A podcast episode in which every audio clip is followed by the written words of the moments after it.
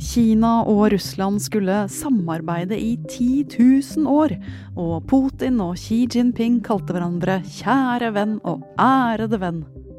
Nå raser spekulasjonene om hvor deres grenseløse vennskap er på vei. CNN has learned that Russia has reached out to China both for military and economic support. Putin's request of China for military and economic assistance. Russia asked China for military equipment. Vil Kina levere våpen og militært utstyr til Russlands krig i Ukraina? Eller kan det tenkes at Xi vender Putin ryggen? Du hører Forklart fra Aftenposten. Jeg heter Marte Spurkland.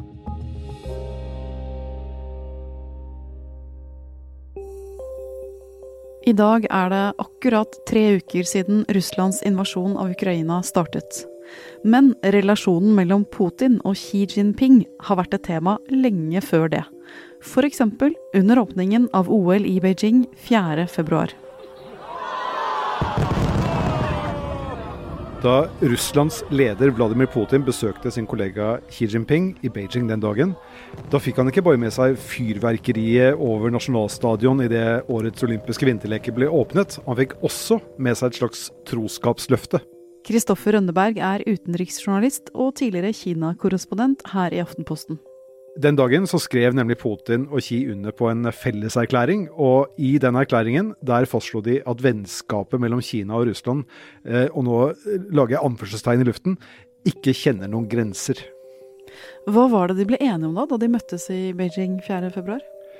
Det aller viktigste var nok at de fikk bekreftet at de står sammen i kampen mot at USA og Vesten skal få enda mer makt. Så Putin fikk med seg Xi på at de ikke ønsker at Nato skal utvides, og så fikk Xi med seg Putin på at Taiwan er en del av Kina. Eh, og dette skjedde jo samtidig som mange la merke til at Russland hadde plassert 150 000 soldater langs eh, grensen til Ukraina. Uh, og det er mange som hevder å vite at de uh, to diskuterte den kommende invasjonen den dagen, 4. Uh, februar. Men nøyaktig hva de snakket om, og, og, hva de ble enige om, altså om Xi ble, fortalte Putin at han måtte vente til etter OL med invasjonen, eller om han ga med en slags velsignelse, det, det vet vi ikke. Og i de tre ukene som har gått siden krigen startet, hvordan har Kina forholdt seg til det som skjer? Kina de prøver å sitte på gjerdet med en slags nøytral posisjon.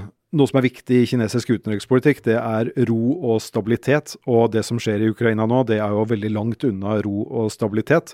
Og dessuten så er både Russland og Ukraina eh, store, viktige handelspartnere for Kina. Og dette skaper jo trøbbel i, i, i handelen med disse landene.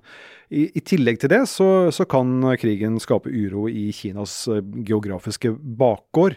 Så hvis man hører kinesiske ledere snakke om eh, denne konflikten, for de snakker om en konflikt og ikke en krig, så, så handler det mye om at eh, partene må deeskalere, som de kaller det, og at de må finne en, en fredelig løsning på konflikten. Men hvis vi sier at de sitter på gjerdet, så lener de seg på det gjerdet ganske langt i retning av, av Russland. F.eks. da FNs hovedforsamling fordømte invasjonen og fikk med seg over 140 land, så valgte Kina å stemme blankt i den eh, avstemmingen der. Eh, og det oppfattes av mange som en slags støtte til Russland. I forrige uke var det debatt i FNs sikkerhetsråd. Der påsto Russland at USA utvikler kjemiske våpen i Ukraina, selv om det ikke fantes noe tydelig bevis på det. They are making absurd claims about biological labs and chemical weapons in Ukraine. This is just another lie. Og Kinas respons på den påstanden er ett eksempel på hvordan de muligens lener mot russisk side der oppe på gjerdet. De fleste landene i Sikkerhetsrådet, inkludert Norge, avviste disse anklagene veldig tydelig. Men eh, kineserne de valgte en annen tilnærming. FN-ambassadøren fra Kina han sa at det er viktig å etterforske alle påstander om utvikling av biovåpen. Og dermed så gikk kineserne på en måte god for disse helt grunnløse anklagene fra, fra Russland. Hvordan dekkes eh, det som skjer i Ukraina av kinesiske medier, da? Hvis man leser eh, statlige kinesiske medier, så er dette en krig som ble skapt av USA fordi de ønsker at Nato skal utvides. Og Det er veldig interessant å se hvordan disse uh, ideene som blir fremmet i russiske medier, blir forsterket i kinesiske medier. Og samtidig som desinformasjon fra Russland blir spredt i Kina, så blir meninger som er positive til Ukrainas sak i konflikten, de blir sensurert i kinesiske medier. Så det kinesere flest får med seg om denne krigen, det er det russiske perspektivet og informasjon og påstander som, som taler Russlands sak. Og for Russland er det viktig å ha Kina på sin side, fordi Kina er Russlands største handelspartner, og nå som Vesten kjører økonomiske sanksjoner, blir det ekstra viktig å kunne handle med dem. Men så finnes det også motstemmer i Kina. Folk med høy utdanning, akademikere og intellektuelle. Mange av disse syns det er en skikkelig dårlig idé at Kina har for tette bånd til Russland akkurat nå. En av dem er akademikeren Hu Wei. 11.3 ble det publisert en tekst på en amerikansk nettside skrevet av ham. Og den teksten har fått mye oppmerksomhet. For det første så er det interessant fordi Huawei er en av sjefene i en statlig tankesmie, så han, han, han er ikke noen hvem som helst.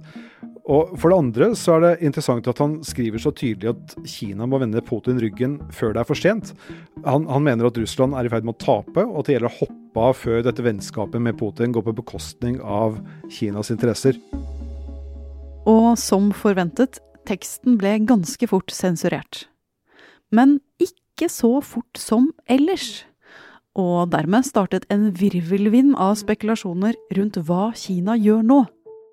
For nettopp det kan ha mye å si for hva slags verden vi skal leve i fremover.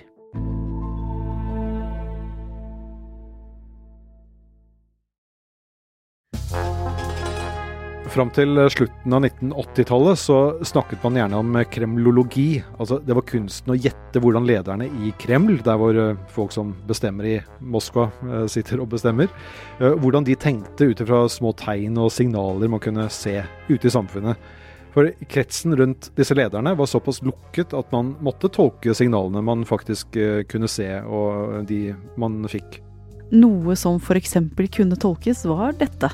Hvem i den sovjetiske makteliten satt ved siden av hverandre under offisielle arrangementer? Hvem sine portretter fikk henge oppe på veggen i maktens korridorer? Og hvem fra makteliten dro i Bolsjoj-balletten i Moskva og møtte andre maktpersoner? Og det samme gjelder på mange måter i Kina i dag. fordi hva Xi Jinping og de andre lederne tenker, det er godt skjult bak massevis av høye murer. Både bokstavelige og billedlige murer. Og derfor må vi tolke de signalene vi faktisk har tilgang til. Så Lederne i, i Kina de sitter i et område i Beijing som heter Zhongnanhai. Så hvis man hadde kremlologi på 80-tallet, så har vi kanskje Zhongnanhai-ologi nå, da. Ok, så hvordan tolker Jungnan-haiologene publiseringen av Huweis tekst? Jo, det kinesiske sensurapparatet det er ganske effektivt. Så hvis noen begynner å spre en tekst med et annet synspunkt enn det offisielle, så blir det som regel fjernet før noen rekker å si uh, Big Brother. Så det var interessant at Huways tekst fikk ligge og modne i offentligheten i over et døgn. Den ble delt tusenvis av ganger. Altså igjen, dette er en av sjefene i en statlig tankesmie, så mange tenkte nok at, uh, at, det var en slags prøveballong for å vurdere en annen tilnærming til konflikten enn, enn det man hadde hatt fram til da. Og så er det som sagt liten tvil om at uh, Huawei representerer det mange akademikere mener, at Kina ikke skal knytte seg for tett til Russland. Så det ble en uh, slags gjettelek. Hva betyr det at denne teksten kommer ut akkurat nå, og kan det liksom være en snuoperasjon på gang? Så mange hadde en del spørsmål etter å ha lest den. Og mens krigen raser i Ukraina, med det som følger av forhandlinger og toppmøter og propaganda og informasjon og feilinformasjon, er det nok å gjette på og tolke. Et av de store spørsmålene nå er vil Kina levere våpen til Russland? Altså, I helgen så begynte amerikansk etterretning å spre en historie om at Russland hadde bedt Kina om våpenhjelp i denne krigen i Ukraina. Og på mandag så fikk vi høre en ny historie, og det var at kineserne til og med vurderte å si ja til å støtte russerne militært på den måten. Og hvis dette er sant, så kommer det til å endre hele spillet. Da vil jo kineserne ha valgt side i konflikten, og det har de vært tydelige på at de ikke ønsker å gjøre eh, på en direkte måte. Og så er det jo spesielt rart om Kina skal hjelpe Russland hvis de mener at russerne er i ferd med å tape denne krigen. Så mange eksperter de har hørt på disse ryktene, og så har de nok tatt dem med en god dose salt. vi skal huske på at amerikanerne, når de kommer med sånn informasjon, så har de også sin agenda. Og det kan godt tenkes at de velger å gå ut med dette her fordi de ønsker å presse Kina til å gå i en annen retning. USA vil jo være best tjent med at båndene mellom Kina og, og, Russland svekkes, sånn at de ikke står for tett samlet i møte med, med amerikanerne. Så her sender alle egentlig tegn som kan tolkes? Her er det Washington-ologi. Men Kina og Russland har jo grenseløst vennskap seg imellom, med troskapsløfte og greier. Hva har Kina nå å vinne på å holde seg inne med Putin? Kina er jo som sagt Russlands største handelspartner, og når Russland ikke lenger kan selge olje og gass til amerikanerne og europeerne på samme måte som før, så kan kineserne overta som kunde til en god pris, som Beijing i stor grad kan fastsette selv. Og De vestlige sanksjonene de gjør også at Russland må se til Kina for å kjøpe teknologi og utstyr for å holde økonomien sin i gang. Så kort forklart så bidrar denne konflikten til at Russland kan bli mye mer avhengig av Kina, og det styrker jo Kinas makt. Men samtidig så er det jo risikabelt å knytte seg for tett opp til Russland. Kina ønsker å tjene penger på mange måter, og også med handelen med, med, USA og Europa. Eh, hvis man ser på Kinas eksport til USA, så er den ni ganger så stor som eksporten til Russland. Så det setter jo ting i et eh, perspektiv. Og kineserne er også tjent med at de får være en del av et større globalt handelssystem. Så det er ikke noen tvil om at uh, i denne situasjonen her så er Kina i en ganske vanskelig skvis. For Kinas president Xi Jinping er det ekstra viktig å ta riktige beslutninger rundt krigen. Fordi til høsten prøver han på noe som kan bli historisk. Å bli gjenvalgt som kinesisk president for tredje gang. Helt siden Mao Zedong døde på slutten av 70-tallet, så har det vært vanlig at kinesiske ledere gir seg etter to femårsperioder. Og nå er Xi Jinping på vei inn uh, mot slutten av sin andre femårsperiode, så hvis han hadde fulgt uh, tradisjonen, så skulle han ha gitt seg nå. Men han har ordnet det sånn for seg selv at han kan bli sittende i flere perioder, i teorien så lenge han selv måtte ønske det. Så når eh, partiledelsen samles nå i høst, så skal de stemme over hvem som skal få være leder i den neste femårsperioden. Og akkurat nå så er det ingen andre kandidater enn Xi Jinping.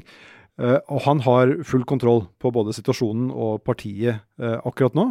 Men han må jo beholde den kontrollen og den støtten han har fra de andre partilederne. Og hvis han nå plutselig befinner seg i en situasjon hvor han har støttet en part som uh, Russland, som, uh, som, setter ham selv og, og, landet i en dårligere posisjon, så kan det også endre hans, uh, hans posisjon i partiet, og kanskje svekke den, den posisjonen hans fram mot dette valget i, i høst. Og ikke minst er dette viktig fordi det nære forholdet mellom Kina og Russland de siste årene i veldig stor grad er drevet av et veldig tett og personlig forhold mellom Xi Jinping og Vladimir Putin. Mm. Så Xi, altså sjefen sjøl, må trå forsiktig. Hvorfor er det så viktig for resten av verden, da, hva Kina gjør nå? Vi får spekulere litt. og Tenk om Kina faktisk skulle ende opp med å levere våpen til, til Russland. Da har du plutselig to store militære blokker, demokratiene i vest mot de autoritære stormaktene Russland og Kina. Og veien er ikke så veldig lang derfra til en direkte militær konfrontasjon.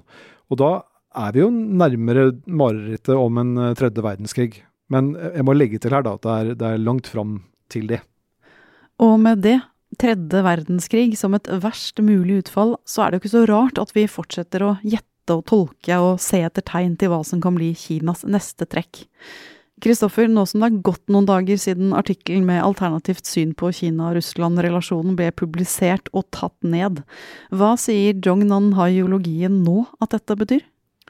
Altså, jeg, prøvde å få tak i Huawei eh, tidligere denne uken, og, eller jeg fikk tak i ham. og Da svarte han at uh, det var ubeleilig for ham å, å, kommentere situasjonen og den artikkelen han, han har skrevet.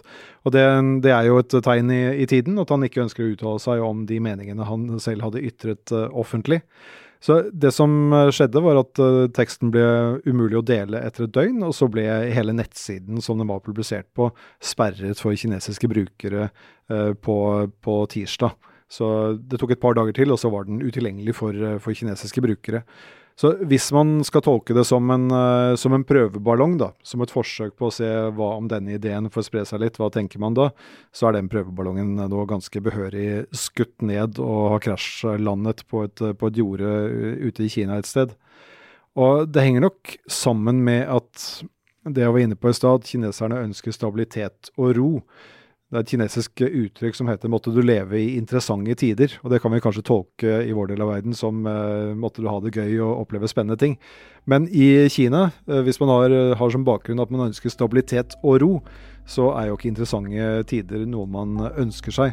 Og nå, både i Kina og i resten av verden, så er det jo skikkelig interessante tider.